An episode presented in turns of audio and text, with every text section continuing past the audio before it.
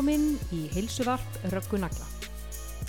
Þetta er þáttu nummið tvö og ég er hér komin með frábæran viðmælanda. Mann sem að ég hef öruglega svona mestar mætur á í lífinu.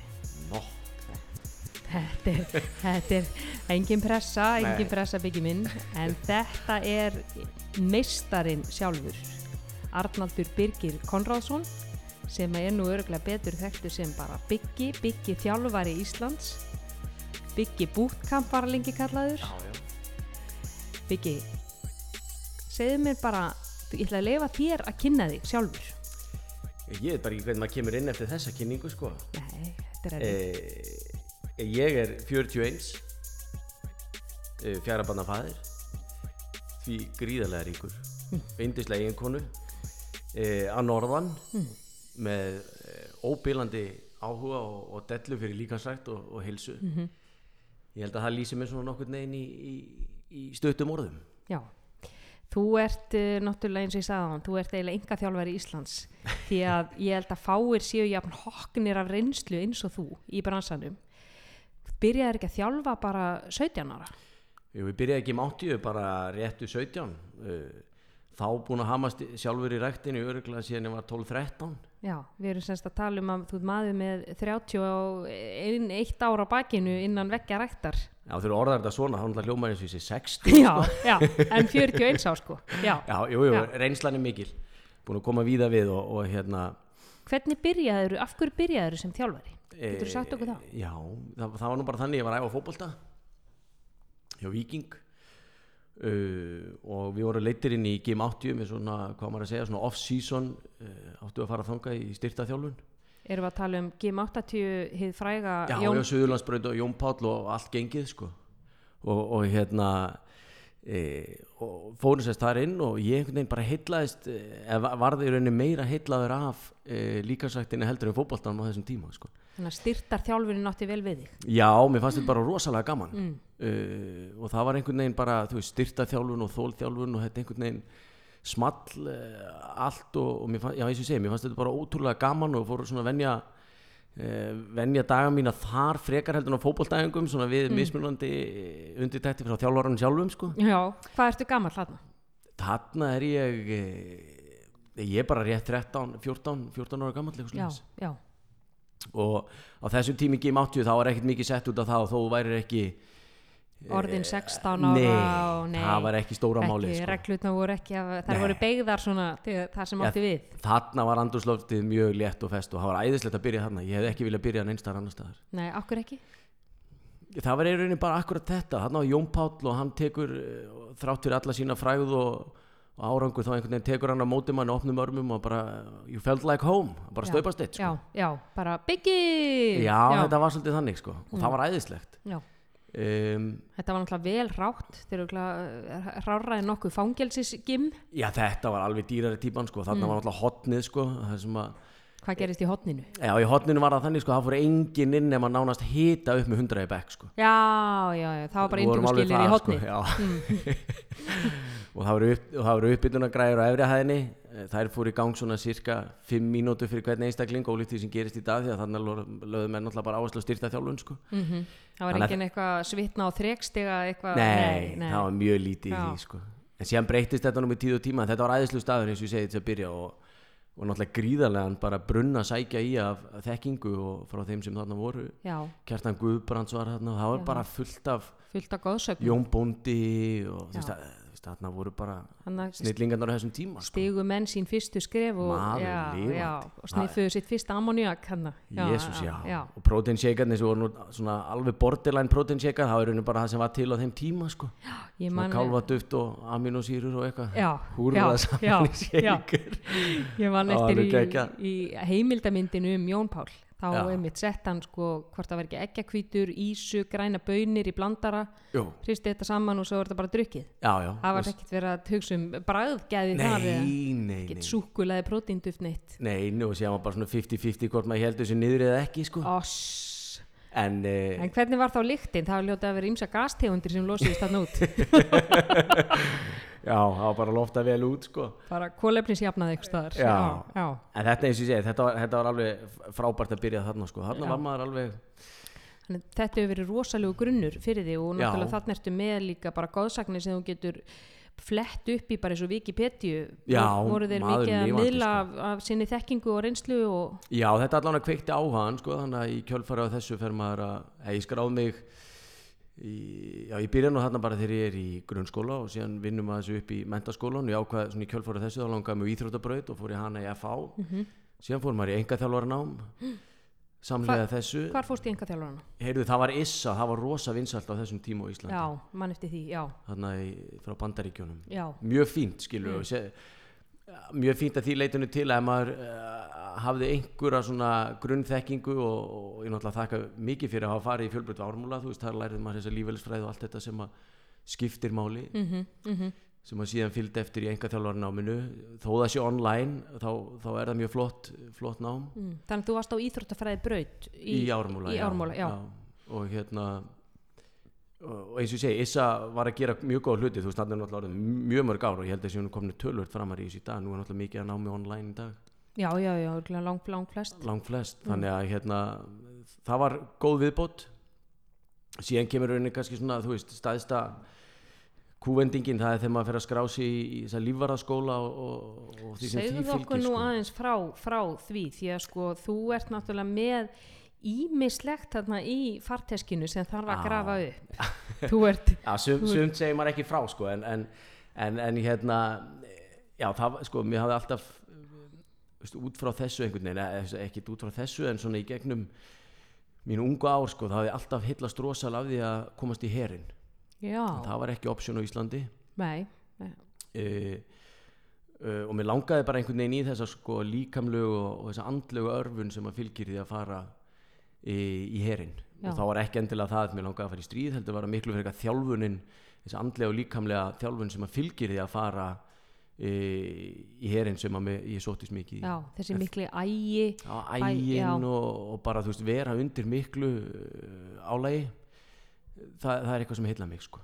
Já, já, uh, og það var ekki á þeim tíma eða á þeim tíma náttúrulega ekki eins og það var ekkert þetta að fara í herin þannig að það var einhvern veginn að finna út hvað væri mögulegt og þá var í rauninni svolítið skrefið að hérna, þessi lífara námskeið eru yfirleitt keirið áfram af fyrrum hermönnum, fyrrum sérsveitamönnum og svo framvegis mm. uh, og ég varð mér uppi um tvö þannig, sótti þau bæði hvar Og- voru þau? uh, annað var í Bretlandi Mm. uh, og hitt var í Suður Afríku Já, og hérna Bretlandi það var alltaf ekki verið tíu dag námskeið sem var í þrjára vikur í Suður Afríku já, ok hvar í Suður Afríku? E, hérna réttur utan Jóhannesaborg Já, já, Petro, Petroria heitir það já. Og hérna, eða Pretoria öllu Pretoria, heldur. já. Og, og hvað árið þetta? þetta er þarna allt í kringum 2000 2000 2002 Þannig ertu bara 23, 4 já, ungur sko. Já, uh, og hérna og líka skrokkurinn allt bara alveg á fu- fullu svingi þannig að Já, þú fór, fórst létt maður- með þetta. Í lifandi, hver já, já. fólst þessi þjálfun? Í hver, hva, hva varst, hva, hvernig er, fór þetta fram eiginlega?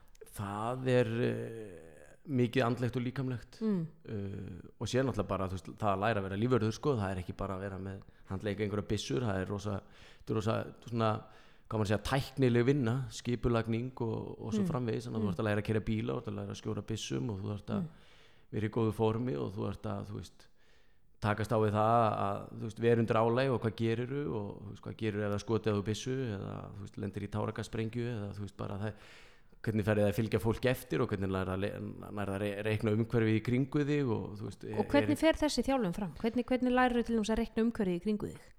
bara með æfingunni Mm. Fyrst og fremst náttúrulega e- eru þarna kennara sem að veist eru lærðir í þessu og náttúrulega sérsveitamenn hafa bara grunni í því uh, marga ára þjálfun Mm. að vinna í nákvæmlega þessu að, að reikna út veist, eh, hvað maður að segja, ógnanir og svo framvegis og þetta er manni kent bæði bóklega og síðan náttúrulega fyrst og fremst bara af reynslunni sko. Mm, mm. veist Bara í gegnum verklegt ná? já og farið með þið í bæinn og veist það er búið að stilla upp Já, einstaklingum hinga og þanga sem eiga sína af sér hvað maður að segja svona tortryggilega tortryggilega Já, hegðun Já, og, og, og, þannig er það unnið sko. Hvað Eh, ætlaðir að gera við þetta nám? Hvað, ætlaðir, hvað, hvað var hugsunin? Ætlaðir að, að nýta þetta eitthvað eða var þetta bara til að svala? sko, já Uh, og ég við nýttum þetta, ég stopnaði með Gumma félagin minn, við stopnaðum hérna, fyrirtæki sem heit Icelandic Bodyguards. Já, ég man Já, eftir því, já, já, og hérna, við tókum á okkur nokkuð verkefni. Já, uh, og hérna það var bara ótrúlega gaman. Já, já, uh, og þú veist, það komuð þarna og náttúrulega bara eins og er í dag, það var mikið af Var erlendum tónlistum. Já, já, þú veist, fyrst og fremst var þetta bara svona, hvað maður var að segja, svona nett eko-kick sko, fyrir því að maður hafi lært þetta og fengið að vinna með það í kjölfari já, já, en uh, síðan einhvern veginn uh, þessi þjálfun sem þarna var náttúrulega mjög líkamlega og andlega erfið sko, þú veist færði maður svolítið bara yfir í, í enga þjálfunina já, þú er ekkert vilja fyrst þú kannski ekki komst í herin var aldrei pælingi að fara í lögguna eða sérsveitina Nei, eða, nei. það heitlaði þið ekki? Nei, það, það ekki það náði því ekki sko. Nei, nei, hins vegar af því að ég fór í þetta nám sko, kom síðan heim og var að enga þjálfa á sama tíma og byrjaði svona einhvern veginn að innlega þessa svona andli og líkamlegu þjálfun sem ég læriði þar inn í það sem ég var að gera. Þá einhvern veginn var til svona árangursík þjálfun þannig að maður var, þú veist, fór úr þessum klassísku liftingum svolítið yfir í þetta. E, veist, svona, hvað maður að segja svona ein líkamsþyngd og svona svolítið krefjandi æfingar. Já ég er einhverja man eftir því sko þegar, þegar við erum að æfa saman í júdókim já, það var legend, Já, það var nú já. aldeilis eh, þar var, var, það var góð svitalikt þar inni. Maður já, lifandi já, sko. í hvað var þetta ekki skipholtinu, jú, jú, brautarholtinu? bara- jú, akkurat. já, og þegar við vorum þar og, og þá voru þið náttúrulega byrjaðir að þú og Robby byrjaðir að klippa út einhverjar satanískar viðbjóðsæfingar. Já, já, og, og við vorum þarna túturnar eitthvað að dúllast bara í lóðunum og meðan að þið voru að gera 750 burpees og, og hoppa síðan og hlaupa upp stiga og eitthvað og þá var þetta þeim tíma var svona þjálfun bara nánst ekki til Nei. Að bara þessi klassiska bodybuilding eh, Já. þú veist, liftingar Já, líka því á þessum tíma var náttúrulega vakstarækt og liftingar bara mjög mikið inn Já. ef maður segir það Já, þannig á Íslandi þetta gríðarlega mikið þetta var bara í alveg, þetta var í nýjunni sko. já, Já. Mm. já, maður lifandi þarna var bara, fór maður að vakstarækt á mót tvisar ári og það var bara mm. kjaft fullt í, í, í hérna, Í- Hótel Íslandi Já, og setu öllum hæðum og Já. þú veist, 50-100 manns að koma á sviðið alveg rosa gaman sko. já, já, þannig að þessi þjálfun var ekkit mikið inn í myndinni þá sko. nei en uh, síðan náttúrulega breytist þetta uh, svona einhvern veginn játt og þétt sko. þið farið upp úr þessu að, að stopna bootcamp getur sagt mér aðeins frá stopnun bootcamp Já, og það náttúrulega kemur svolítið til að þessu uh, í kjölfarið á þessum, þessari í- þjálfun ykkar. Já, í kjölfara á þessu að þá hérna, förum við að, að veist, í rauninu á stað með bútkampið það er bara 2004 mm. uh, og það fær gríðlega góða rundættir uh, byrjum hérna nýri í skeifunni. Já, í Síðan á ne Suðurlandsbraut. nefaleikastöðinu ef ekki? Jú, akkurat. Mm sprengju það okkur, uh, förum síðan úr Suðurlandsbraut, það sprengur líka í gamla síðan- gím 80 gamla gím Að- 80 á- á það var eins og að koma heim sko. já, það ekki? Já. Og þetta er svona konsept sem að þú veist, hefur bara, hefur bara lifað síðan og hérna Mm. e, þú veist, fekk bara alveg ótrúlega mikla undektur og það var einmitt af því að það var ekkit svona í gangi sko. nei, nei, e, það var einhvern veginn e, þú veist, það voru bara klassið líka sætt að stöðarna, það var vörklass og, og reyfing og eitthvað svona, en það var jú, einhverju hóptímar, en það var ekkit í líkingu við þetta nei, það var ekki til líka og þetta byrjaði náttúrulega vel hardcore sko. og þarna er ekkit crossfit komið heldur Nei, það Nei. verður tilreyndar í bandaríkjónum hann í kringum 2004 eitthvað svoleiðis, en já, það kemur ekki til Íslands fyrir nei, miklu, miklu nei, síðan nei, nei. Þannig að, uh, þannig að þið eru braudriðjendur á þessari, þessari já, já, absolutt sko, og hérna uh, og það, á þessum tíma þú veist uh, við að, þú veist, varum með góðan fjölda í þrekmótaröðuna sem var svona, þú veist þrekmót sem var alltaf haldið á Akureyri tvisvar ári og út frá því verður síðan hérna svona bara meira og meiri stemning og þá fara svona líka kannski fleiri veist, líka sætt að stöður að bjóða upp á tíma sem eru svona kannski eitthvað í þess áttina sko. já, fóru svona feta í, í fótspor Já, ykkar já, sjá og- náttúrulega vinsaldirnar og Akkurat og við vorum náttúrulega komið með sko, hvað maður að segja, útibúi maður orðar það þannig, eh, stöðvar út á landi sem Já. voru að kaupa okkur þjónustuna á Selfossi, vorum að Hellu Akureyri mörgum stöðum þarna þið Akranesi. ennþá á Suðurlandsbraut. Já, þetta er svona, já, þetta er, já, þetta er svolítið Suðurlandsbrautin já, eh, sem er rauninni sprengir þetta allt út. Þá fór gríðarlega umfjöldum, við skrifum tvær bækur Já. förum í sjónvars sjónvarpi á skjá einn gerum spil uh, á skjá einum þá náttúrulega við að við fluttum hérna inn sem sagt Navy Seals með einstaklinga sem við fórum á námskeið hjá á sínum tíma. Já, fórum í svona Helvík og ógleymanlegt já, hvernig segðu mér aðeins frá því? Það, það var náttúrulega alveg geggjað sko. Já, það var vika og ég held við höfum skilað sjö tímum í svefn og einni viku. Öss klukkutíma nótu já, það var svona, já, það var svona is og þeir klukku- fenguð yðkendina til þess að koma með ykkur í þetta Nei, það fóru síðan eitthvað síðar fóru, þetta var ég, Róbert og Evert sem fórum í þetta sko. mm, en síðar fóru síðan einstaklingar frá okkur. Þá fóru við reyndar ekki með sem að fóru í svona helvík sko. mm, en við sem sagt, eh, sem sagt þá er ég að tala um út til bandaríkina mm. sem fengu við þá þessa kennara til að koma til Íslands. Já, já, og þeir uh, gerðu það tvisvar meiri segja uh, og voru með svona hel víkend ekki heila viku, heldur víkend. Og það var þú, uh, frá föstu degi alveg fram á sunda bara 48 tíma non-stop. Já ég man eftir sko, ég man eftir þessu að það fylgst með þessu einhver staðar. Já, skjáreit já, já, skjáreit já. tók þetta upp og ég man ekki hvort það endaði tveimur, þreimur eða fjórum þáttum eða eitthvað svoleiðis. Það fekk líka miklu að man eftir voru nýri fjöru með einhver já. drumb já, vorum í kvalfyrðinum já, já. já. Og, og, voru þið þá, voru þið þá í tjöldum eða hvernig Nei, það var að þetta er bara 48 tíma non-stop og náttúrulega í Nautalsvík mm, og síðan í kvalfyrðinum og, og, og hérna og það er þá ekkert sofið þessi 40 nei, nei, nei, nei, þetta er bara hardcore sko. Já, uh, og þú séu náttúrulega vel hefur búinn sko en, en meðan á því stendur þá er það ekki. Þú kannski fara að taka svona bluff lúr sko. náttúrulega skítkallt og blöytur og fara að leggjast í fangi á næsta og þú, þú veist kannski fjarar út í tíu mínútur og síðan er náttúrulega bara allt sett í ganga aftur sko. já þetta er náttúrulega gríðarlega þarna er hausinn bara sem þú þarft að Já, stríða, hann er stríða 80 við bróðst af þessu öllu saman. Já, og þetta þekkir þú náttúrulega vel því að þú hefur náttúrulega verið að fara í fleiri svona, svona uh, já, Já, maso, svona- masokista uh, Já. þú fórst í Bretlands ekki alls fyrir löngu þannig að þú varst að hlaupa stanslust í, Já, í hindrunarbraut. Já, fórum í sagt, já, töffmötur það var já, nætur áskorun og byrjuði að miðnættu og vorum búinir 8-9 morgunin, fóru þrý saman í það. Já, og það er svona hindrunarbröð, það bara reynir að fara eins langt á þessum nýju tímum yfir nóttuna og getur. Já, hleypur uh, alltaf sama hringin eða ekki? Jú, já, akkurat. eins ofta og getur. Já, já, Já, síðan hefur náttúrulega hlaupið 100 km í Sahara já, eða líka það. Það, það, maður er búin að koma við það við en mér finnst þetta rosalega gaman sko. ég, ég þrýfst rosalega á því að þurfa einhvern veginn augra sjálfu mér sko. Það er bara ekki bara líkamlega heldur ekki síst andlega síst andlega sko. alveg, ég bara það er fátt sem að gleður mig meira heldur en að fara út í svona verkefni sko. þau þurfa ekki öll að vera uh, margi dagar eða eitthvað svoleiðis en bara fara út í verkefni sem að er svolítið mikil óvisa og ég veit ekki alveg hvert leiði mig Mm. og, og, og þurfa einhvern veginn á leiðinu að, að staldra við og fara í gegnum hausin á mér og svona, mér finnst þetta alveg þetta er, þetta er, maður kemur allt annar einstaklingu tilbaka og þannig hefur það verið bara frá þegar maður frá, fór í þessi lífaranámski þar sem að maður var þjarkaður alveg út í eitt sko og maður grenjaði ofta á leiðinni og allt það sko en þú, þú kemur bara sterkar út sko. Já, finnst þér eins og lífvarða skólinn hafi mótað þig Já, svolítið í þá já, átt? A- hann hafi lagt svona svolítið grunn? Já, já, hann gerði það. Já, eftir þau námskeið þá svona sérstaklega í Söður Afríku sem var algjör tortjör sko að þá og líka því maður var svo ungur þetta náða móta mann sko. Já, já.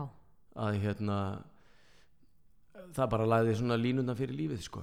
Hvað er maður að hugsa þegar þú ert að hlaupa undir miskunarlausri sól inn í miðri Sahara og þú ert á kílómetr 43 já, hvað, hvað er maður að hugsa þá?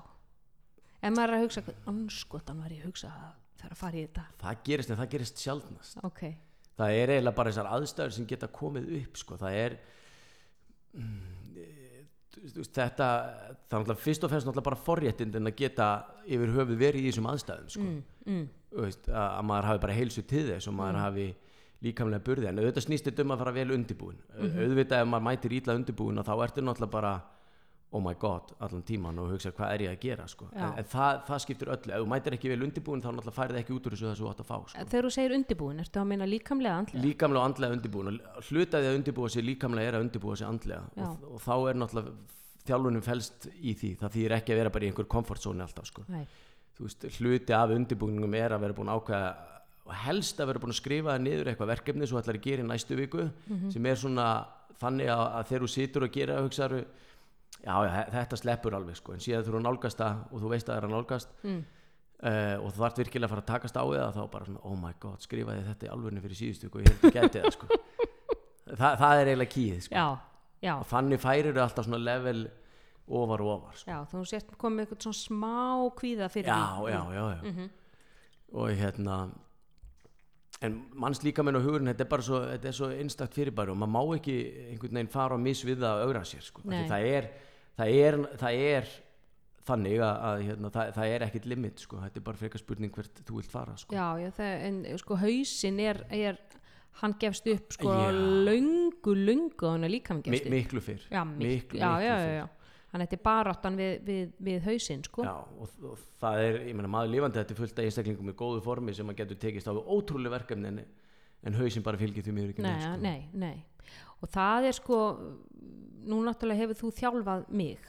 Já, og ég hef oft hugsað sko þegar ég er svona eitthvað að grenja yfir því að hvað ég þurfa að gera rosalega mörg wallballs eða hvað ég þurfa að taka margar uppbyggingar þá, þá reyni ég alltaf að munna eftir veistu að ég held að hann byggi vorkinir ekki neitt því hann hljóp 100 km Sahara og hann er búin að vera í, í fjörunni í, í heila viku eitthvað kútveltast og þú veist, hann veit alveg að komfortzóni sem að litli bómullin sem þú ert í er þú daldið, daldið að, að hjúpa því í honum. Já það, og það er, auðvitað skiptir það gríðilega máli og sérstaklega þegar maður er þjálfari að hérna, maður getur talað af reynslu. Já, það er fyrst og fremst, það er alveg sama hvað lærdóm og bækur þú ætlar að lesa þetta er fyrst og fremst þjálfun í því að ná að lesa fólk sko. já sko nú eh, held ég að öllum öðrum ólöstuðum þá held ég að eh, sko þú sért nú örgla með fremstur meðal jafningja í, í þjálfun, þegar kemur að þjálfun.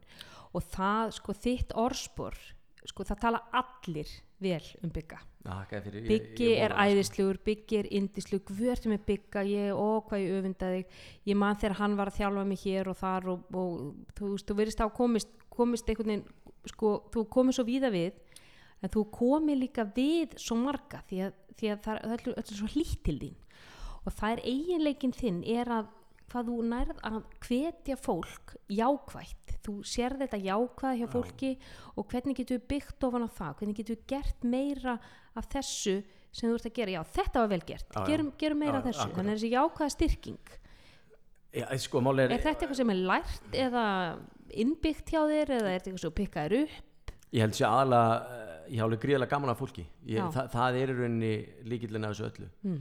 uh, sjálfsög hef ég ótrúlega gaman af því að sjá fólk ná árangri, ekki spurning en það er líkillin af því að hafa gaman að vera í kringum fólk Mm. lesa fólk. Mm uh, og svona svolítið að, fara inn í fólk og, og hérna einmitt eins og, eins og þú ert að tala um þetta með veikleikan og styrkleikan láta fólk átt að sjá því það hafa allir styrkleika sko. já, uh, og benda þeim á sína styrkleika. Benda þeim á það og, og, og leifa fólki bara að vekja það til lífsins. Og það, það getur verið gríðal ólíkt. Það getur verið að lifta eða hlaupa eða lappa hratt eða þú veist, það hafa allir eitthvað sem þeir geta síðan nýtt sér til að byggja ofan á sko. já, en fyrst og fremst er þetta áhengið fyrir fólki. Það, það er ekkit mál að búa til einhverja horfjóðsæfingu það geta allir tekna hann upp á töflu alveg sama hvort er af áhuga fólki eða ekki. En það er ekki það sem endan skilur árangri sko. nei, nei, nei, nei. þú þarf líka að bera virðingu fólki það, það skiptir öllu máli. Um, og þú þarft að í rauninni kenna fólki það að líkansætt geti verið skemmtileg. Uh, mörgu fyrst hundleðilt að reyfa sig og sjá það bara enga veginn fyrir sér að mér nokk tíma gerast. Nei, en það hafa samt sem áður allir þann eiginleika að hún er að kveika á þessum þræði að sína fólki fram á uh, að fjölbreyttar æfingar uh, og að, að finna svolítið þinn styrkleika til að byggja ofan á. Mm uh, ef þú nær því að, að þá nær að kveika í öllum sko. Alveg sama hver það er. Já, þannig ég held svona eh, út frá þessu sem þú ert að tala um sko, þá held ég þetta sé bara áhugin fyrir fólkinu sína fólki virðingu og átta sig á því og það er það sem við svona reynda tilenga mér alltaf að það skiptir með engu máli að nú þjálfa ég alveg íþróttamenn sem eru he- heimsfrægir og, allt það en þeir, ég set á ekkit ofar heldur en eh, hvern annan sem ég þjálfa sko. nei og það, ger ég ekki og, og þú veist, ég nálgast fólk ólíkt eðlilega um, einfallega vegna þess að fólk hefur ólík markmið en, en e, ég mun aldrei fara að þanga að lofsíka einhvern meiri en einhvern annan e, út frá stöðu einhver staðar í þjóðfélaginu og annað, það, það mun ekki gerast. Fólk, eh, það, það, það hafa allir eh, sama möguleika á því að ná langt í, í hreyfingu eins og, já, Já. bara allir hver sem veit sko. Já, það er nefnilega, það er svona líka þinn, þinn styrkleiki, þú ert með þú ert gjörsamlega fordómalaus og það er algjör pjúra sósialismi í þér, þú ert heima mjög vel hérna í Danmörku, það er allir jafnir fyrir bygga, Já, sama hvort sé þessi heimsfæra íþróttastjarna eða bara gamla húsmóðurinn sem að langa bara til að, skafa af sér nokkur aukakíló, sko. já, maður lifandi því að Já. það er Þú nálgast alla á sama hátt. já, og það, maður aldrei að taka þessi sjálfur þessu hlut að fólk neina að koma tímans í þjálfun sko. Nei, það, þetta er ekki þannig sko. nei, uh, alveg saman þó maður sé búin að góðum árangri með einhvern þá er ekki þar með sagt að það sé bara sjálfgefa fólk komi. En, en hérna en ég hef bara verið svo lánsamur að þú veist, ég, þetta, er, þetta er mitt staðista áhugamál og ég, mér hefur bara vegnað vel í því og það er ótrúlega gaman. En, en, hérna já, En talandi um það, hvernig, sko, nú þjálfar þú einmitt, bara venjulega Jóa, skrifstofu blókina sem að, þú veist, kemur og reyfis í klukkutíma, kannski fjórusunum í viku. Mm. og þú þjálfar líka afreks íþróttamenn, ég meina bara dæmi Guðjón Val, uh, maðurs mensa hérna í uh, Rúnar Alexandersson, hver er munurinn á því að þjálfa já. afreks íþróttamenn versus bara uh, Jón og Gunnu? Stæðsti munurinn er það er að þeir einstaklingar eins og þessir sem þú telur upp þeir líka þeir, li, þeir lifa á því að nota líkamann sko. þannig að, að e, þeirra prógramering það er, hún er, getur ofta tíðum verið ótrúlega flókin Mm. e, og þá ég bara við að því að þeir eru undir miklu líkamlegu álægi fyrir Mm. Þannig að þú ert að hafa ótrúlega mikinn e, svona eiginleika að geta reiknað út kvildarþörf e, álag, þú veist hvað geta æfingarnar verið langar, þú veist hvað þólar þú veist hvað eru bara reynlega stattir andlega þú veist það er einnig gríðarlega á, á afreiks íþróttamenn að klára heilt tímabili, þetta fólk greinir sér og gerir sér oft ekki grein fyrir, þeir halda að þetta sé bara mæti út á völl og hafa gaman og hlæja með félagunum og mæti leiki og fá síðan einhverja miljónur á mánu, sko, en það er bara ekki þannig sko. Nei. E, And, klárlega andlega álægi þar er gríðalegt og leiki álæði er gríðalegt og já. það er fjárvera frá fjölskyldunni og, og maður er alveg með íþróttamenn sem eru fjari fjölskyldunni á jólunum bara því að veist, við viljum horfa á fótbolta eða handbolta um jólin sko. Mhm. þannig að veist, þetta er ekki alltaf klift og skorið þannig að þú veist, maður þarf að nálgast þessa einstaklinga á mjög ólíkan hátt uh, og það er þetta eins og ég segi, þe- þetta er einstaklingar sem lifa á því að hafa líkamann í lægi og þar er prógrameringin mun flóknari heldur en oft á tíðum hjá hvað maður að segja, með, meðaljónunum sko. Mhm, þú hún geti alveg verið flókin en, en, en hérna, hún er ennþá flóknari hjá þeim sem virkilega e, eru undir álæg og þú ert virkilega að setja þið inn í hverja viku og nánast hverja einustu æfingu og þú getur eiginlega ekki skipulögt með eina æfingu einu því að það getur leikur á morgun eða þú veist hvernig koma þú veist að leikur í kvöld e, þú getur eiginlega ekki ákveðið æfingunum sem á að styrtaræfingunum sem á að gera morgun fyrir að leikurinn búinn því að þú þarf bara einfallega að sjá hvað maður eða einstaklingunum spilaði marga mínútur og já, þú veist, kom eitthvað upp á í leiknum sem að þú þarft að, að hugsa út í æfingunum og svo framvegis, þannig að prógramin er, er flóknari, það er kannski staðistu munur það er stæðsti munur Það er já, já. þeir náttúrulega recovery hjá þeim þú ert að taka það náttúrulega inn í, inn í já, já, já, já. já, versus uh, sigga á kontórnum sem fer bara heim og, og elda með koninu og fer síðan bara að sofa og þú veist, Já, þetta, þetta, er, þetta er allt annað hlutur já, já, maður lífandi, Já. þetta er einstaklingi sem æfa tvisvar á dag já, Þa, það er rosalega margt í þessu Já. Eh, en allt er þetta gríðilega skemmtilegt, þetta er fjölbreytt og ég myndi aldrei vilja fara bara eina leið. Þú veist, mér finnst líka gaman að kenna hóptíma.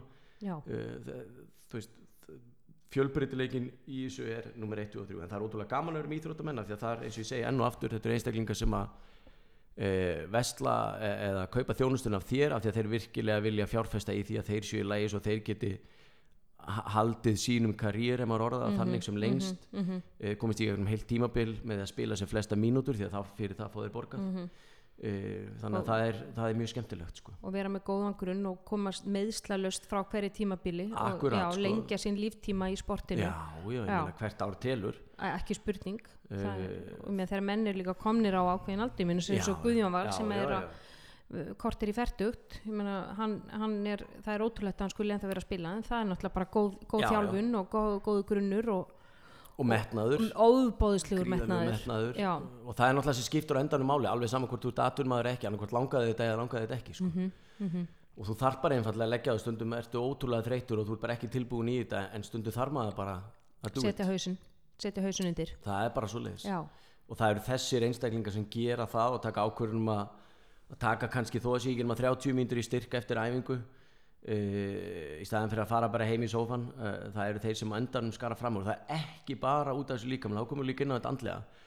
Bara það að þú vitir sem einstaklingur að þú hafi farið á auka æfinguna í gær meðan allir hinir í liðinu ákvaða það að húra upp í sófa þá veistu að þú ert bara einfallega betur heldur en hinir í liðinu já, sko. þetta styrkir bara sér að þið sjálfstöru já, og þetta er einhverja já, sjálfstöðstu já, og þetta fylgir inn í leikinn daginn eftir og þetta skiptir svo miklu máli sko. Uh, þannig að enn og aftur, þetta er mentaliteti líka. Já.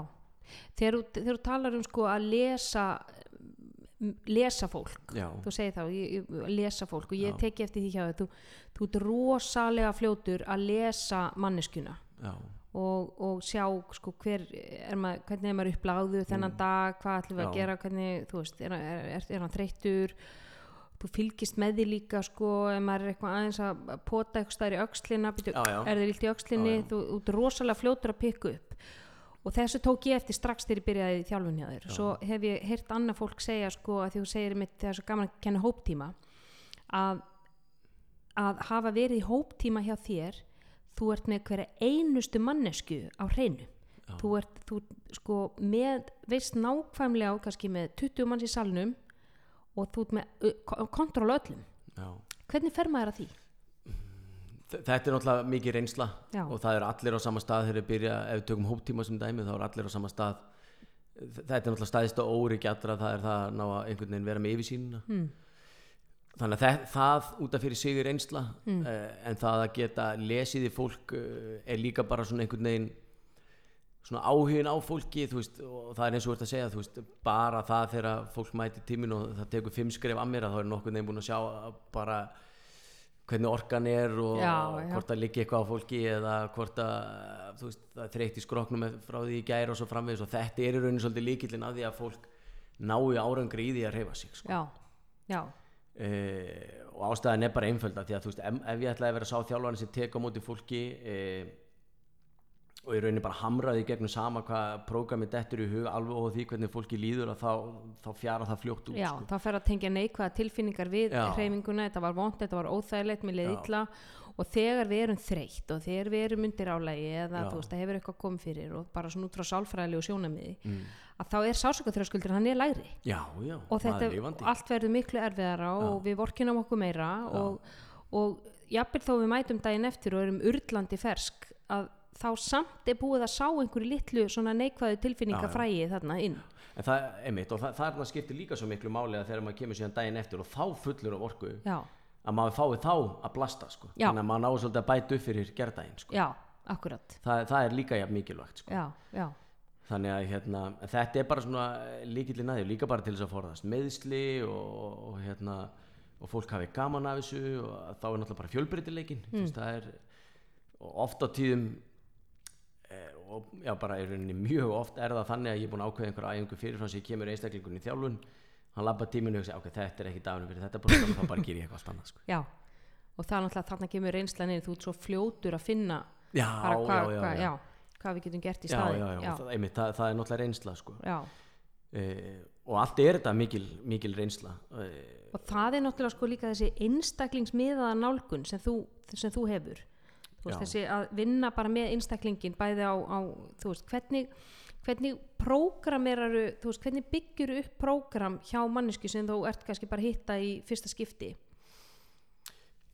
Ég, er, ég reynd, hef alltaf þannig að ég fer með einstaklinga eh, sem, sem koma tíminn í enga þjálun er alltaf þannig að ég fer með þá í gegnum svona ákveðin ring uh, og ringurinn hefur þá tilgang að einfallega sjá bara viðbröð fólks. Það getur verið og auðvitað byggist en á því er náttúrulega alltaf ég vil búin að tala við fólk fyrirfram Já. hvort í tölupósti eða síma eða uh, til svona að fá basic upplýsingar og þá ertu komið með einhverja mynd í hugan og þú setur eitthvað upp ok, ég ætla að gera þetta hérna þegar ég hitti hann eða hana mm. uh, en það, og þá er það yfirleitt einhver svona eh, ringur ef maður orðað þannig sem inn, inniheldur smá þól og smá styrk smá tegjur uh, út frá því sem býði til prógramið Mm.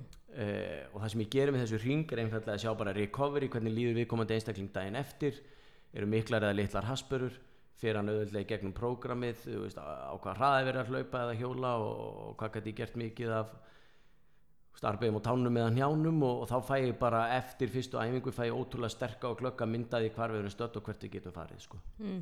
Mm. Þa- það er þannig. Mm. þannig að þú veist, maður getur sagt að þannig fyrsta æfing er alltaf alliða býr til, til svona baseline. Já, byggir út frá því. Já, akkurat. já. Uh, og inniheldur alltaf einhvern eins og ég segi, styrk og þól og, og svo framvegs og þannig að maður fái svona nokkuð skýra myndaði hver viðkomandi stattur uh, af því að oft á tíðum er það þannig að margir koma til manns í þjálfun og halda þessi miklu betra formi heldur en raunin er. Já, en síðan líka margir sem koma að halda þessi miklu verra formi heldur en raunin er sko. Þess vegna er rosa gott að geta farið e, þessa leið og, og þá bara strax eftir fyrstu æfingu þá veistu hvað staðan er sko. já, já. Hvað er, svona, hvað er helstu mistök sem sér fólk gera svona á fyrstu skrifunum í rættinni? Ætla sér á mikið? Já, ætla sér um mikið um, klárlega og festast í stömu rútinni það er mm. það er sko, við, við þrýfumst á fjölbreytileika sko. Líka minn þrýfst á fjölbreytileika og við sem einstaklinga þrýfumst á því að, að augra okkur sko. Mm -hmm. uh, og margir eh, fá eitthvað þryggjata program í hendurnar og síðan er það bara keirt í 8 eða 12 vikur Bara þetta klassíska cookie cutter program sem það bara kaupir á fannst netinu. online og og, og, og það er náttúrulega verður á endanum gríðarlega leiðilegt og líka minn vensti líka þannig að þú hættir að finna framfæri og finnur kannski gríðarlega mikið mun fyrstu þrjár vikurnar en síðan bara hættir að finna muna því að það hættir að vera öðrum fyrir líkamann En er nöðsynlegt að gera alltaf sko sitt hvort prógramið, er ekki gott að fylgja prógrami í fjóra til sex vikur sa- sama prógraminu skipta síðan upp? Eða ámar að fara alltaf í, í sitt hvort, sitt hvort? Það fyrir gríðarlega eftir í hver markmiðin eru. Þú getur alveg verið með einstakling eða skilur þegar kemur að styrta þjálfun þá getur alveg sett upp prógram sem að e, það sem að línurnar eru svipaðar en get ekki mælt með því að þú væri með þryggjadaga prógram skilist, þú væri að lifta þrísværi viku það væri efri búkur, neðri búkur og síðan eitthvað hérna á þriða deg og þær æfingar væri allar eins í sex vikur, ég get ekki mælt með því. Akkur ekki? uh, einfallega vegna þess að líka með venstið við tökum bara sem dæmi sundmann. Sundmaður sem að uh, þú veist, hann byrjar á að fara 50 metra og, og, og hérna, og hann- er við að láta lífi og síðan bara venst líka með nálegin allt í undir fann að gera síðan 10 km og 20 en það hættir samt sem áður að vera einhver ögrun fyrir þig sko. mm. og þetta er svolítið það sama. Og fyrir utan það eitt prógram getur bara haldið x mikið af æfingum ef við bara gefum okkur að við erum að lifta í klukktíma þú nær bara að lifta og taka x margar æfingar. Mm en x margar æfingar þýðir líka að þú nær bara til x margar af vöðva en við erum að enda með gríðarlega marga vöðva í líkamann og þess vegna er fjölbreytileiki svo mikilvægur. -hmm. og það sem að kemur fyrir fest, flesta ef við tökum bara íþróttamenn sem dæmi þá er þetta einhæfa álag sem verður þeim að falli e, hlaupar sem að hleypur 100 km í viku hann er á endanum ekki að nota hann mjög takmarkaða vöðum þó hann sé í góðu formi. Mhm. e, getur kannski ekki einu svona gert fimm arbegur Mm. e, fyrir að fá álags hérna, meðsli kringu hnén og mjadmetnar og, og mjóbæki af því að það vantar allan styrk á móti. Mhm. þar kemur styrtaþjálfurinn inn og, og enn og aftur fjölbreytileikin sem að því þarf að fylgja. Þannig að það er rauninni aðalega þess vegna að um, er auðvelt að ofþjálfa suma vöðu og skila, skilja aðra eftir. Já, en það er ekkit að því að vera með gott prógram í höndunum sem kannski eru segjum enn og aftur, sex vikur, þú ert með tvær vikur sem keira eins og rúla þar aftur tvær vikur og síðan aftur tvær vikur. Það er þá allavega einhver fjölbreytileiki já, þannig að það er svona periodization eins og hvað tölum við um, já, já, en, uh, og það, þarna tala ég rauninni bara reynslu út frá sjálfu mér. Uh, og, og síðan uh, bara því sem að ég hef séð hjá mínu fólki. Já, fjölbreytileikjun og það er líka þetta með að hafa gaman af því Rúnar Alex er nú svona gott dæmi uh, hérna, um einstakling sem að hata þig eins og pestin að fara ræktina tengt í sinni íþrótt ok. Sko. en á sama tíma er hann knassbyrnumadur og það er mjög einhæft álag. Mm uh, en bara með það að fá að gera alltaf ólíkar æfingar í hvert skipti og ekki gleyma því að ólíkar æfingar þýðir ekki að það fyrir alltaf að vera eitthvað nýtt. Við erum kannski með 50 ólíkar æfingar fyrir fætunar já, já, já, fyrir sama vöðvahóp fyrir sama já, þú veist það getur verið framstig og afturstig og hliðaskref og pistolskott og í ringjum og frontbeigur og bakbeigur og overheadbeigur og allt saman akkurat, þú veist, það er nóg til. Uh, og, og, og þú veist þa þannig eftir með einstakling sem að þarf bara þessa örfuna, þetta sé alltaf eitthvað nýtt og eitthvað og hafa eitthvað gaman sko. Ég man líka sko þegar ég byrjaði hjá þér þá var ég, öll, þá var ég búin að vera að keira svona veist þessi, þetta sama prógram marga vikur uh, svona þetta bara klassíska bodybuilding stæl og ég var með uh, þú veist, mér var illt í olbónum og mér var illt í bakkinu og mér var illt í öxlinni og, og svona. Og um leið og sko ég var búin að vera hjá þér bara í nokkra vikur þar sem við vorum að gera sko sitt hvort eða hverja einustu æfingu já, þá hvarf þetta. Já, já, veist, þannig ég var að gera kannski beita mig vitlaust í einhver ákveðna æfingu en að gera hana vik eftir vik eftir vik eftir vik eftir viku og alltaf einhvern veginn að ífa upp og ekki að styrkja kannski aðra vöðva í kring. Sem á móti. Á móti Já. þetta er bara klassíst, þetta er bara eins og knaspundumönnu sem nota sem fá ójabæði milli hamstring og síðan fram að við læriði akkurat. Eh, segja að það ekki er ekki er, ekki, þetta ekki 40-60 eða er ekki, er Jú, jú. ekki já, akkurat það, það er svona gott dæmi uh, menn halda bara að þú sért að nota lærin og þá sé það bara komið bara að þú ert að hlaupa sko. Mhm. en það, það er ekki þannig uh, og það, það, það, það er oft á tíðum að voru að tala um svona algengstu mistökin, það er þetta með, með fjölbyrðileikan já að, að festast svolítið að gera festast það í sama saman já. programminu sko. og ég finna maður sér það alveg í, í ræktinu, maður sér fólk það kemur bara það tekur sama ringin bara já, aftur og aftur og aftur. En að því sögður sko þá til dæmis er einn eh, hérna í Fitness DK sem að er, hann er ábyggilega áttræður. Já, hann kemur inn og hann kekur bara alltaf það sama. Hann Mm. er bara, hann tekur deadlift. Já, þetta er greinlega gamall kappi sko. Já, já. mætir hann Old school. old school, hann er yfirlt í goldskim það verður ekki betra. Og hann tekur bara sama. Og ég held að þarna sko hjá honum er þetta bara, hann þrýfst á þessu hann já. þessar æfingar, hann tekur bekkinn og hann tekur beigjur og hann tekur deadið og, og hann tekur bara þessa klassísku og svo er hann bara farinn. Já, og það er náttúrulega bara og endanum er það líka bara þú veist, gott og gilt fyrir þá sem að þrýfast á því já eru kannski það bara þannig, sko. viðhalda sér og eru bara eins og fyrir hann, hann er ekki að setja einhver, einhver PRs í, í nei, nei, nei, sko. Og fær náttúrulega bara tala hann ert áttræður og það geta gert ennþá gert, gert sér æfingar, það er náttúrulega bara meira áttar já, já en fyrir svona þetta heilbriða unga fólk sem að, að það er fjölbreytnin skipti. Hva, það myndi segja það, setja það í fyrsta sæti. Hvað myndi setja í Alltaf. annað sæti? Um, hvað er svona önnur stærstu mistökin sem fólk gerir? ætla sé ekki það að setja sér að klikka og setja sér markmið?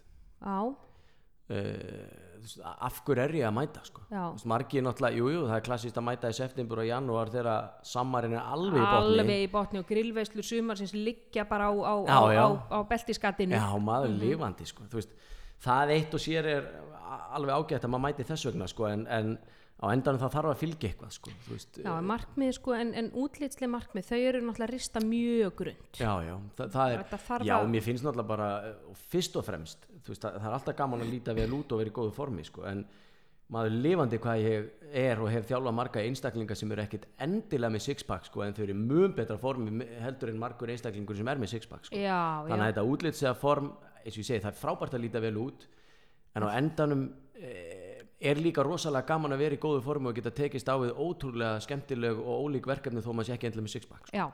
Og það er, sko, það að líta vel út er bara dásanlega aukaverkun af því að vera að reyfa sig. Og það er bara frábært og auðvitað, það, það, það þrýfast ekki- allir á því að, að líta vel út en það er, Það getur ekki verið drifkraftur. Það, það má ekki bara vera draugraftur Nei, nei, nei, og það er, að því og ég segi veist, það er líka bara þessi lífsgæði að, að hérna, tala hann ekki um þegar maður eldist að maður hafi ennþá orku í það og bara yfir öfður nenn að leika við börnin sín og, Mm. og hérna fara út og leikull og geta rólaði að fara upp og niður einhverja rennibrauti sem að maður valla passar inn í og allt þetta skil, Nei. þetta er bara hluti af lífsgæðum sko. segir maðurinn sem á tveggjar og són. já, Já. maður lifandi sko.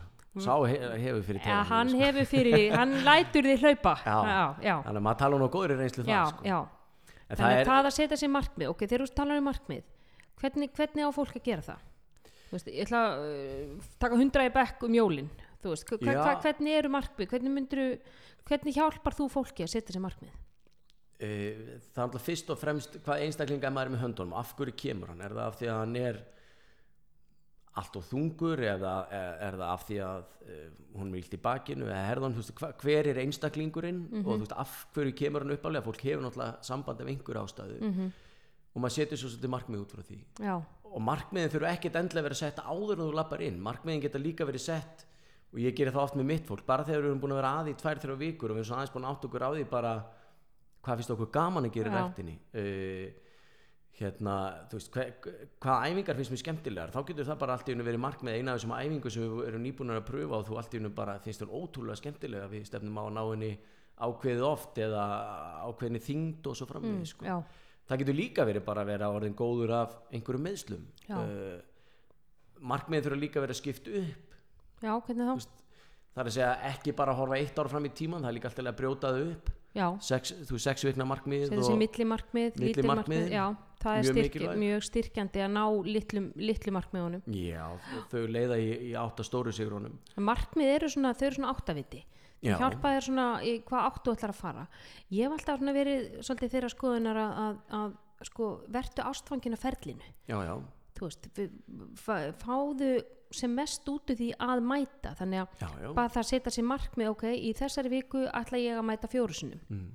þannig að það sé markmið. Markmið sé að mæta. Og til dæmis eitt sem að misti 100 kíló, hann, hann setti sér það markmið að mæta í ræktinni í 5 mínútur á dag. Já, ekki lengur en það, bara Akkúrat. 5 mínútur. Akkurat. Bara þegar þetta sanna fyrir sjálfum sér að hann væri típan sem myndi mæti í ræktina sama hvað dynur á í lífinu. Já, já, akkurat. Þannig að bara það þegar hann var búin að ná því þá gæti hann fara að byggja ofan á ofan á það, þannig oft getur markmið líka verið bara, bara, bara það að sko bara hegðunin sjálf Já, að koma í ræktina. Já, já, já, og það, veist, og það getur verið bara eitthvað tengt ræktinni að hérna, veist, bara það mun að fá mér að borða á nýmæti eða Já. veist, eitthvað, eitthvað jákvætt í þá átt að þú tengir þetta við e, eitthvað gott. Já, það, það er svolítið mikilvægt. Að venjan skiptir náttúrulega öllu máli því að ofan á hana getum við svo unnið markmið já, já, akkurat. já. þannig að þú veist markmið eiga það að vera en þau geta verið svo gríðarlega ólík og, og, og fjölbreytt og þau þurfa ekkert alltaf að vera einhver stór og það þarf ekki alltaf að vera að hlaupa reykjagumarathonið eða hvað það er þau geta bara verið lítil og leiðin það þurfi ekki alltaf að vera ykkur heimsifir á því nei, Alls ekki. nei, nei. og, á léttasta títanhjólinu í, í gallanum og hjóli kringum Ísland bara á næsta sumar. Já, nei, það þarf ekki alltaf að vera þannig sko. nei, en það er rosa gott að setja sér eitthvað eitthvað og hérna, eitthvað til að vinna með. Síðan geta alveg auðvitað, það geta alltaf komið tímabil sem að maður bara er markmiða laus eh, í einhvern smá tíma en það dúkkar alltaf upp aftur. Já þannig að það, það að vera einhvern veginn að dingla sér eins og uh, hauslaus eins og ölvaður unglingur á skólaballi á milli tækja og veit ekki hvað maður er að gera og síðan að vera algjörlega markmiðslaus.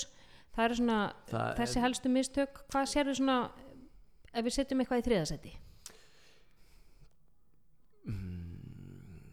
ég held í, þriðasetti það, það er kannski þetta það, það er náttúrulega þetta þetta, þetta tvent sko sem að svona ber hæst uh, og það er kannski að maður líka kannski aðeins að reyna þú veist vera ófeimin við að sækja sér þekkinguna sko. Já, uh, ekki vera feimin við það að fá uh, vera feimin við það á aðstofa því að það eru gríðarlega margir sem stíga inn í líkasættasöðal og eru ótrúlega feimnir já, feimnir við að leita sér aðstofar af því að þeir eru svo hrættur með að spyrja vittlisum spurningana eða kunni ekki á tækin eða þannig að þeir enda með að fara bara í eitt tæki af því þið sáðu það á YouTube og, og svo Já, já. að það er líka og, það er svo sorglegt þegar fólk fjarar út af því að það finnst þetta að vera yfirþyrmandi. Já, það, og, já og finnst eh, líka umhverfi jafnvel vera Já, yfirþyrmandi og, og Akkurat, já, er mikill hraði og, Já. og kannski mikill háaði og einhvern veginn að manni finnst alltaf allir í miklu All- betra formum já allir sé að horfa á þig. Já, akkurat Líkillin að þessu er einfallega bara uh, leita sér aðstofa strax í upphafi þannig Já. að þú ert tekin svona örugum höndum og marga líka stöða bjóðu upp á það að taka fólk strax undir sín væng og láta þið fá eitthvað byrjandaprógram sem þú fæði smá leiðsögnað mm. uh, og það er gott og gilt mm Mhm. og það er kannski svona uh, þetta þrennt sem að ef, ef þú fylgir þessu þá ert í góðum málum Já. en það er ótrúlega daburt að horfa upp á þegar fólk mætir það einhvern veginn spólar aftur og bak út af því að það bara einhvern veginn heldur þetta sé ekki fyrir sig nei, nei og, og, og það er, ég, ég fer gegnum þetta með mínum skjólstæðingum sko, Já. það er þessi kvíði yfir því að mæta og það er allir að horfa mig það er allir í miklu betra formeldur Mm. Já, en já. ég og það er fólk, allir í flottari fötum í flottari og- fötum já, og þeir eru að krulla hérna í speiklinum og, og, og ég er í hérna ga- gamla Don Cano gallanum sem að frá, frá 1980 en, en sko það málið er að það eru bara allir við erum svo sjálfhverf, mannskefnin er svo sjálfhverf. Já, já. það eru allir bara að spá í sér. Já, það eru allir bara í raunverulega að krulla í speiklinum og horfa á sig.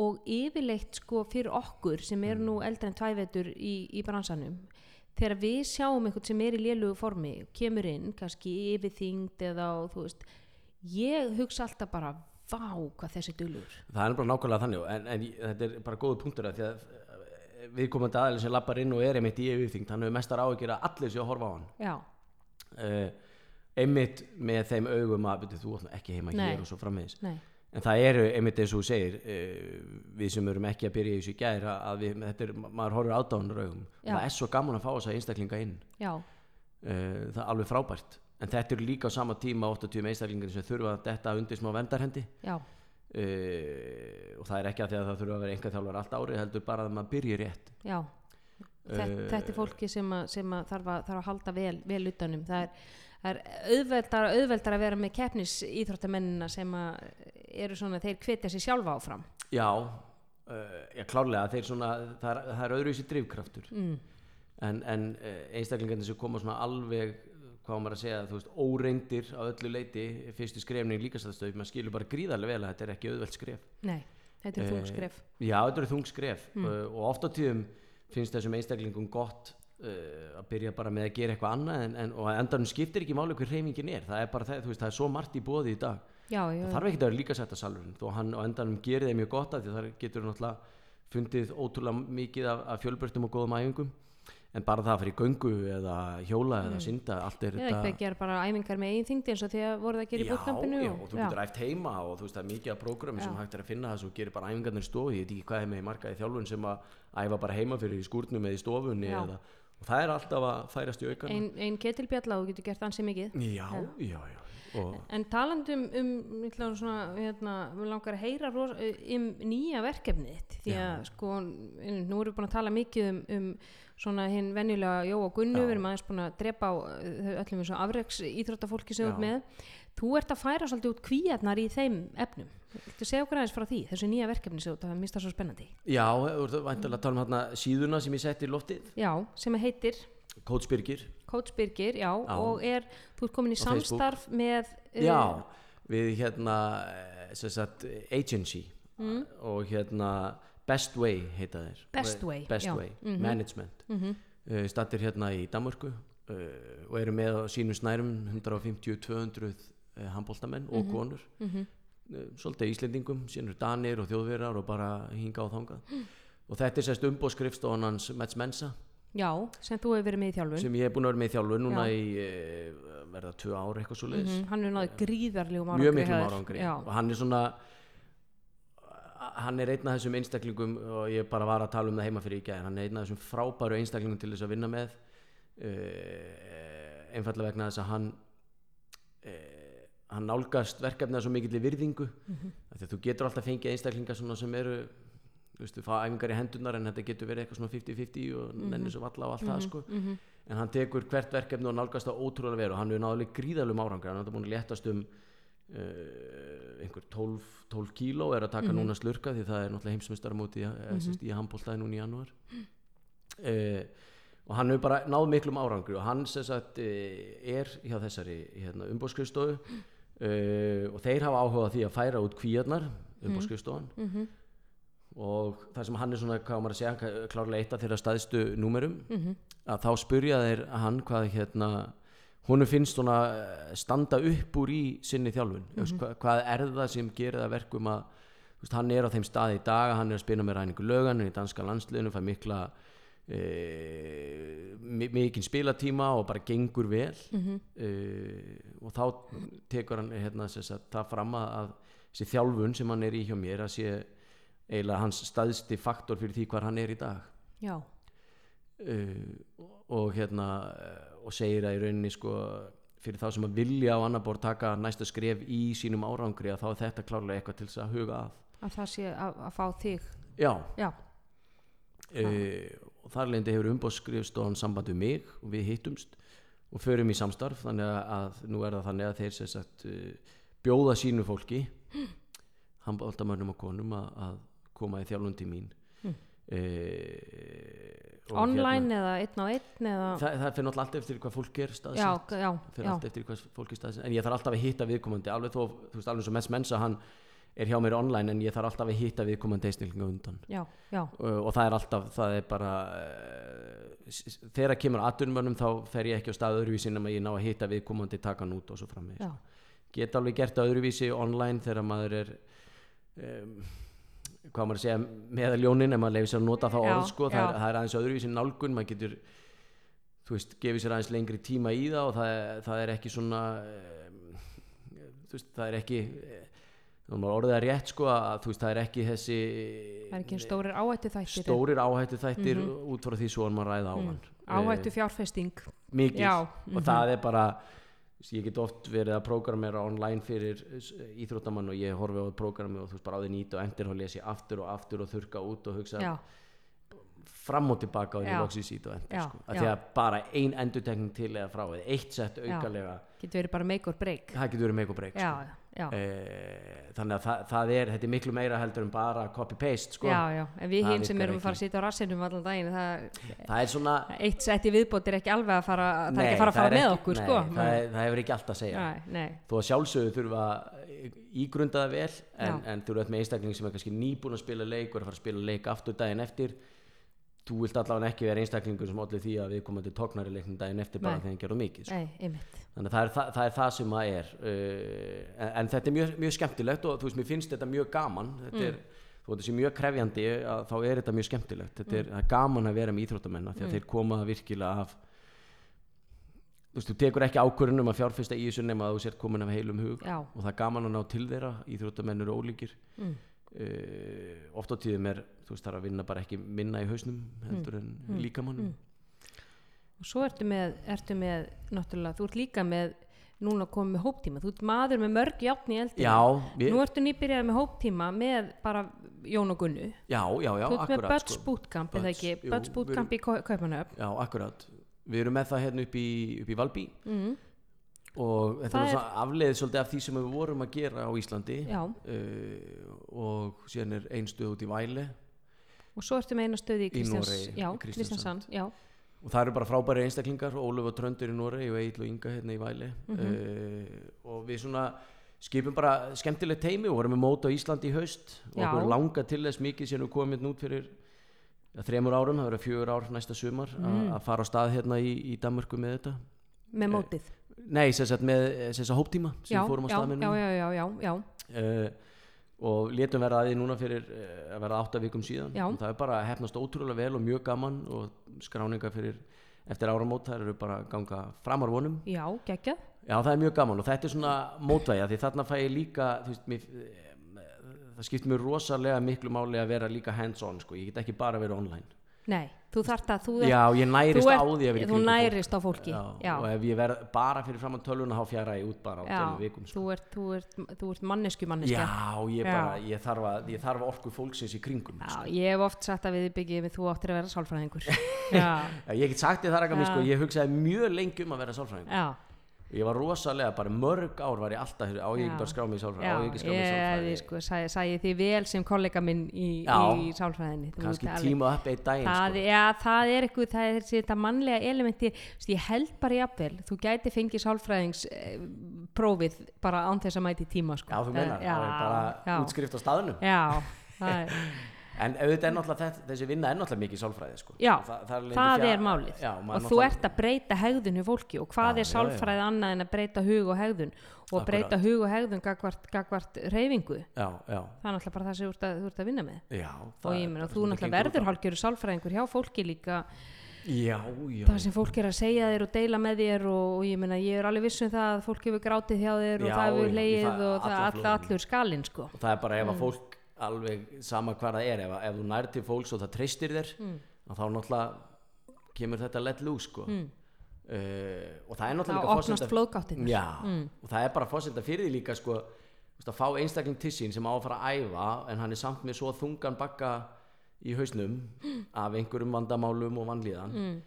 æfingin verður ekki að neinu fyrir að það er komið út sko. Nei, það er nú það það er nú bara þannig þegar hausin er að trubla þannig að hérna, já þetta er, þetta er miklu sálfræði tímar sko. Og þú veist bara það fá þess að líkamlega andlega útrás við Já. að reyfa sig og, og það sem að fólki finnst líka og sérstaklega þessum að þegar það kemur í hóptíma það er þetta að fá að vera eitt með sjálfum sér og gleyma umhverfun það er það sem ég heyri mjög oft frá fólki. Já, það kemur inn í hóptíma það bara dettur út af því að þú bara þér er hent út í eitthvað prógram. Mm. klukkutíma setna ertu bara búin að losa fullt af einhverjum tilfinningum og svitna. Já, bara varst ekkert að hugsa um vandamál dagsins það er það sem að ég heyri mjög oft. þetta er besta það er, þegar fólk er undir miklu álægi það er ekkert betra en að reyfa sig. Það er bæði náttúrulega lífæðlislu ferli sem fær í gang. Já. þú veist, þú losar út náttúrulega noradrenalin og adrenalinið svo losar náttúrulega dopamín Já. þú veist, veljunahormónin og, og síðan náttúrulega bara gleymur stað á stund og ég menn svo færðu líka útrás. Hver fær ekki útrás við það að boksa í einhvern púða þegar þú ert búin að vera kannski áttir erfiðan dag í vinnunni og getur bara losað þetta allt hann og, og,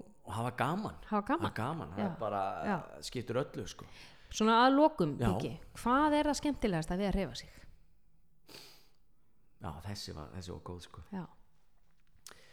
E, fyrir mér e, að hreyfa mig það er raunin bara þessi andlega og líkamlega útrás sem við vorum að tala um mm.